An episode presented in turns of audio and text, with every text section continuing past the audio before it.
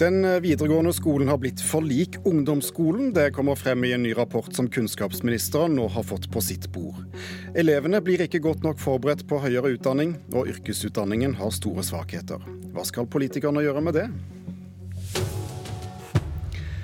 Lied-utvalget går for tiden systematisk gjennom alle sider av opplæringen på videregående skole. Dette er det mest, den mest omfattende gjennomgangen siden Reform 94, altså for ca. 25 år siden. I går så fikk hun, altså um, kunnskapsministeren den første rapporten av flere fra dette utvalget. Og Arbeidet det ledes av deg, Ragnhild Lid. Velkommen til Politisk kvarter. Takk. Hva har dere funnet ut om tilstanden til videregående opplæring her i landet? Ja, jeg har jo lyst til å starte med å si at det, det skjer veldig mye bra i videregående opplæring. Eh, men som, som, du nevnte, så er det altså 25 år siden den siste store reforma. Det er jo mye som har endra seg siden det. Eh, Målsettinga med den var at eh, elevene skulle kunne fullføre med ei godkjent kompetanse, enten studiekompetanse eller noe som førte inn i arbeidslivet. Og så fikk de rett til tre år videregående. Det vi ser nå, det er at eh, heldigvis begynner de fleste ungdommene i videregående. Men det er for mange som dropper ut eh, underveis.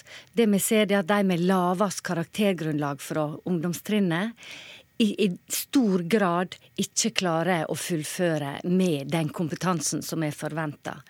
Eh, da stiller vi spørsmål ved Klarer videregående å ta imot den heterogene gruppa som kommer inn i disse løpa.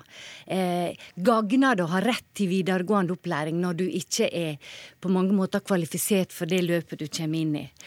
Vi ser at mange elever mangler karakter i ett bare, eller kanskje flere fag, når de går ut av VG3.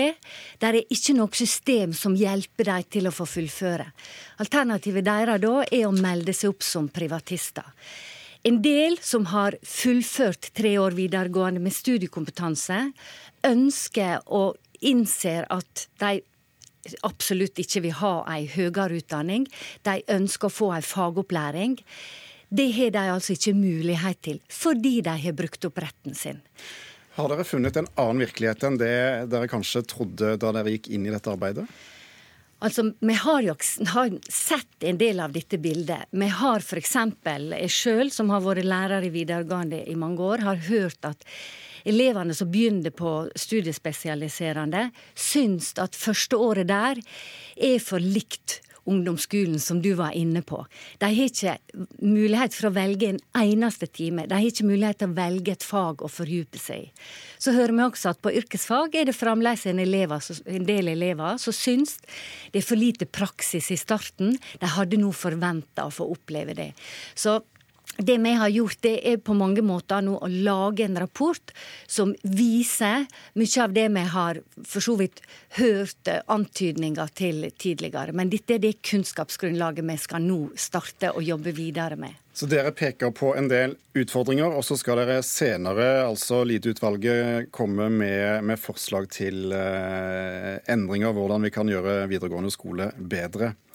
Agathe Våge, leder i Elevorganisasjonen. Kjenner du og elevene seg igjen i eh, den virkeligheten utvalget beskriver? Ja, av det vi hører, det gjør vi. Og vi setter utrolig stor pris på at Lyd-utvalget har lagt så vekt på elevstemmen. For det er jo tross alt eleven som er skolens hovedperson. Så vi syns det er veldig hyggelig at eh, vi blir lyttet til og får være med og påvirke vår egen hverdag. Hva er det viktigste som kommer frem her, slik eh, dere elever ser det? Eh, vel, for det første så er det mange elever som egentlig er sjokkert over hvor lite fleksibelt videregående opplæring er.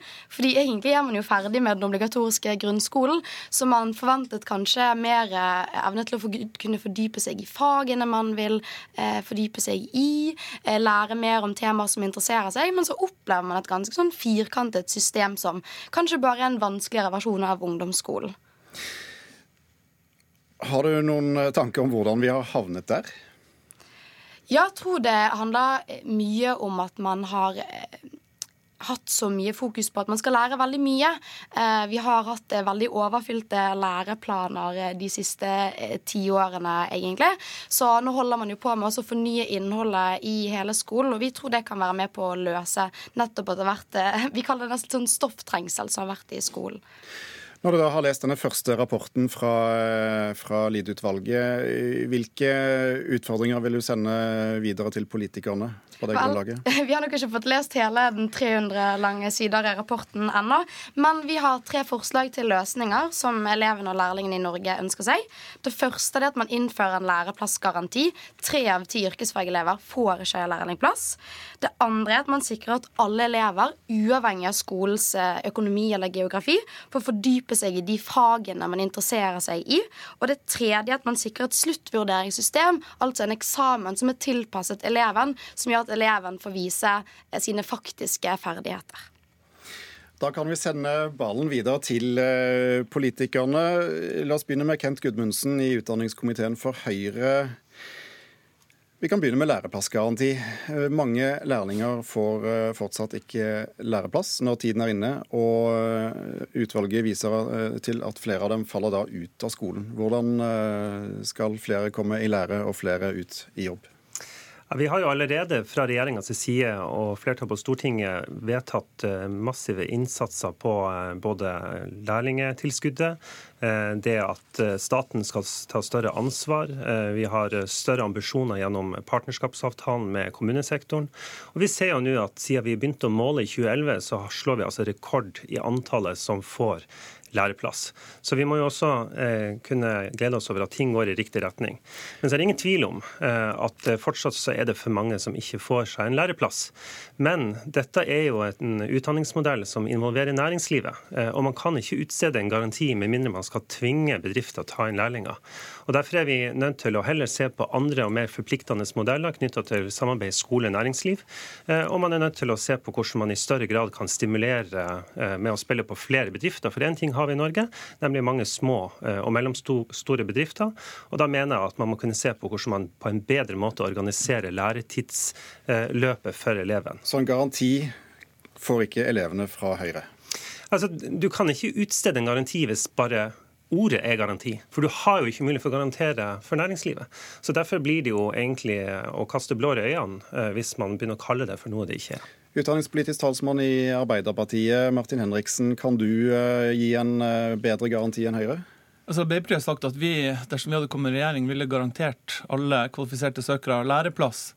Ikke nødvendigvis gjennom lovfesting, men at, uh, gjennom en politisk garanti som sørga for at det ble flere læreplasser, sånn at man fikk den plassen man fortjente og hadde krav på. Det er jo sånn at jeg ville ikke slått meg så mye på brystet hvis jeg var regjeringspartiene, for det er tross alt i fjor 5500 elever som ikke fikk læreplass. Og det er jo på mange måter Norges mest meningsløse kø. Sånne type tall hadde vi aldri akseptert eh, for studieforberedende altså elever på studieforberedende programmer som da fikk beskjed etter to år nei, det er ikke plass til deg mer, du må finne deg noe annet å gjøre. Det her vi trenger er både mer forpliktende samarbeid mellom fylkeskommunene og arbeidslivet. og Her mener jeg at vi må gjøre noe nasjonalt. Jeg, jeg mener at Det Lied-utvalget har kommet med nå både veldig interessant og veldig viktig, men det kan heller ikke være hvilepute for å gjøre noe med det vi allerede vet er utfordringer, som f.eks. læreplasser. som eh, Elevorganisasjonen her eh, peker på. Ja, vi kan gjøre mer med lærlingtilskuddet, men det at man her har mer nasjonalt påtrykk for mer samarbeid eh, i fylkene tror jeg er veldig viktig for å få flere Hvordan kan du garantere mer enn eh, Gudmundsen at eh, elevene skal få læreplass, hvis du ikke vil lage en skikkelig garanti? Vel, For det første eh, har vi jo både satt av midler til eh, lærlingtilskudd. Vi mener det er viktig å få praksistilskudd, sånn at man kan være med å løse to utfordringer samtidig. Både det som både Lied-utvalget og Elevorganisasjonen her peker på, at det kan være veldig demotiverende for veldig mange elever på yrkesfag å ikke få begynne å spesialisere seg på det yrket man har lyst til å bli. Hvis du vil bli frisør eller tømrer eller elektriker, at du nødvendigvis må vente i to år, sitte på skolebenken i to år før du får prøvd deg yrket, er opptatt av å få mer praksis tidligere, og sånn få flere bedrifter inn i skal vi si, i samarbeidet, sånn at det er lettere å få rekruttert eh, lærebedrifter også. Og i tillegg hatt mye sterkere grep, brukt hardere lut for å få et forpliktende samarbeid mellom fylkeskommunene og eh, arbeidslivet for å få på plass de læreplassene som trengs. Er det aktuelt? jo, men Man er jo ikke uenig i at det skal være tettere samarbeid mellom skole og næringsliv. og Vi har jo også vært veldig tydelige på det. Vi ser allerede at flere skoler inngår forpliktende samarbeid. Vi ser også at gjennom den strukturendringa som vi får på plass nå, får tilbakemeldinger fra bransjer om at man vil få lettere til til å formidle lærlinger, for de vil ha mer relevant kompetanse i det yrkesløpet som de har. Det er jo mange sånne skolske ting vi kan gjøre, men eh, utfordringa blir når man sier at man skal garantere for noe man ikke har muligheten til. Da mener jeg at man forleder uh, unge mennesker til å starte nettopp et utdanningsløp som det ikke er mulig å garantere, på mindre man legger opp en helt annen måte å formidle lærlinger på. Vi må eh, bevege oss fra, fra, det yrkesfaglige til det som eh, i, i vår tid heter studiespesialisering, eh, i gamle dager allmennfag. Um, elevorganisasjonen etterlyser større fleksibilitet. Derfor minner for mye om uh, obligatorisk opplæring og ungdomsskole. Hvordan skal vi løse den utfordringen?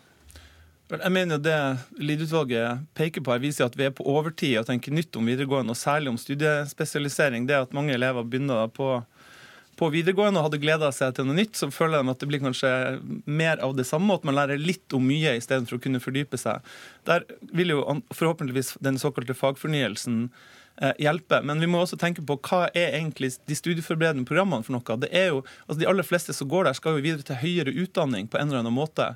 Eh, og, og her, Det blir de ikke godt rustet for i dag, skal vi tro uh, utvalget. Nei, og det tror jeg Lied-utvalget har helt rett i. At man da burde gjøre mer, som også de beskrives i eh, innstillingen, men som også mange har påpekt tidligere, at her må man kanskje gjøre altså trene de elevene som går på videregående, bedre til å begynne på høyskoler og universitet i metoder, i teorier, i tenkemåter, og også kunne bruke utstyr som ligner mer på det som man har på høyskole og universitet. fordi at det er lavere frafall på de studieforberedende programmene enn det er på yrkesfag. Men det frafallet ser man jo egentlig igjen i høyere utdanning, der det er altfor lav gjennomføring, altfor mange omvalg, og da burde de settes mye bedre i stand på videregående til å kunne klare seg i høyere utdanning. Kan du gi uh, elevene noe håp om, uh, om en bedre hverdag? Ja, absolutt. Fordi uh, vi, uh, vi, er allerede godt i gang med en rekke tiltak. Én ting er jo at uh, vi skal ha modulbasert videregående opplæring, som gjør det mye lettere å for det første sette sammen en videregående opplæringsgrad som kanskje treffer ditt behov bedre, men også gjør det mulig for elevene å få kompetanse underveis i utdanningsløpet sitt, og dermed ha lettere for å fullføre og bestå. Men så er det jo også, som det pekes på her, fagfornyelsen gjør også det mulig å gå mer i dybden. og Det tror jeg er med på å skape mer interessant interessante og relevante eh, tilpasninger i undervisninga for de ulike fagene til de elevene som, som, går der. Og så må vi huske på én ting. og det er jo det at Når du starter på høyere utdanning, så er det jo faktisk litt rart å snakke fortsatt om generell studiekompetanse, når så mange høyere utdanningsinstitusjoner krever spesiell studiekompetanse. Eh, og Derfor så syns jeg jo det Lied-utvalget her peker på, at er det egentlig, altså Hva er egentlig studiespesialisering? Det synes jeg er et veldig relevant spørsmål. Og jeg synes også det er utrolig interessant eh, det de trekker fram i forhold til eh, at man slutter med engelsk på VG1. Eh, vi lever i dag i en absolutt så globalisert verden som det er mulig å få. Og det at man har ja, en god språkkompetanse når man skal ut og være på arbeidsmarkedet, tror jeg er veldig veldig relevant. Men Dere høres veldig fornuftig ut her dere sitter. Hvorfor har ingenting skjedd?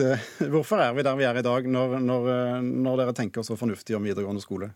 Vi er jo som sagt allerede i gang med eh, bransjeprogram innenfor bygg og anlegg og helsefag, der vi eh, vil få mer modulbasert undervisning og få mer tilpassing. Modulbasert undervisning er et eh, vanskelig ord, Martin Henriksen. Akkurat det med modulbasert, altså Bransjeprogram for anlegg, det handler mest om kompetansereform, ikke om det som går på videregående. Jeg mener jo at vi må ta et tverrpolitisk ansvar for at man egentlig har forsømt de studieforberedende programmene i veldig mange år tenkt at her er alt i orden, og ikke satt seg ned og gjort noe ordentlig med det. Og Det Lied-utvalget gjør nå, det er jo egentlig å gi oss en invitasjon til å tenke nytt. F.eks. om at det er altfor lite samarbeid mellom de studieforberedende programmene og høyere utdanning og arbeidsliv. Der kan man jo lære yrkesfag, egentlig. Der det er mye mer samarbeid med næringslivet. Og kan man tenke nytt om at f.eks. hvorfor kan ikke elever som går på studieforberedende, ha praksisperioder i bedrifter eller forskningsinstitutter, få mer den kontakten opp mot de yrkene og de studiene de skal på i framtida? Jeg håper både Lied-utvalget tar tak i sånne ting, og som er min oppfordring til regjeringen, man trenger ikke alltid å vente på den neste rapporten. Her er det mye man kan sette i gang med allerede, f.eks. når det gjelder læreplasser. Det, det kommer sikkert til å ta til seg. Eh, Agathe Våge, til slutt, når du har hørt politikerne her, er du eh, optimistisk på vegne av eh, elevene? Eh, ja, delvis, men det er mange ting her som ikke ble svart på. F.eks. det konkrete fagtilbudet i videregående og sånn. Så vi kommer tilbake til disse temaene etter. Vi må nok det også her i Politisk kvarter. Takk skal dere ha, Agathe Våge fra Elevorganisasjonen, Martin Henriksen fra Arbeiderpartiet, Gent Gudmundsen fra Høyre og Ragnhild Lid, leder av Lid-utvalget. Politisk kvarter var i dag ved Thomas Alvarstein Ove.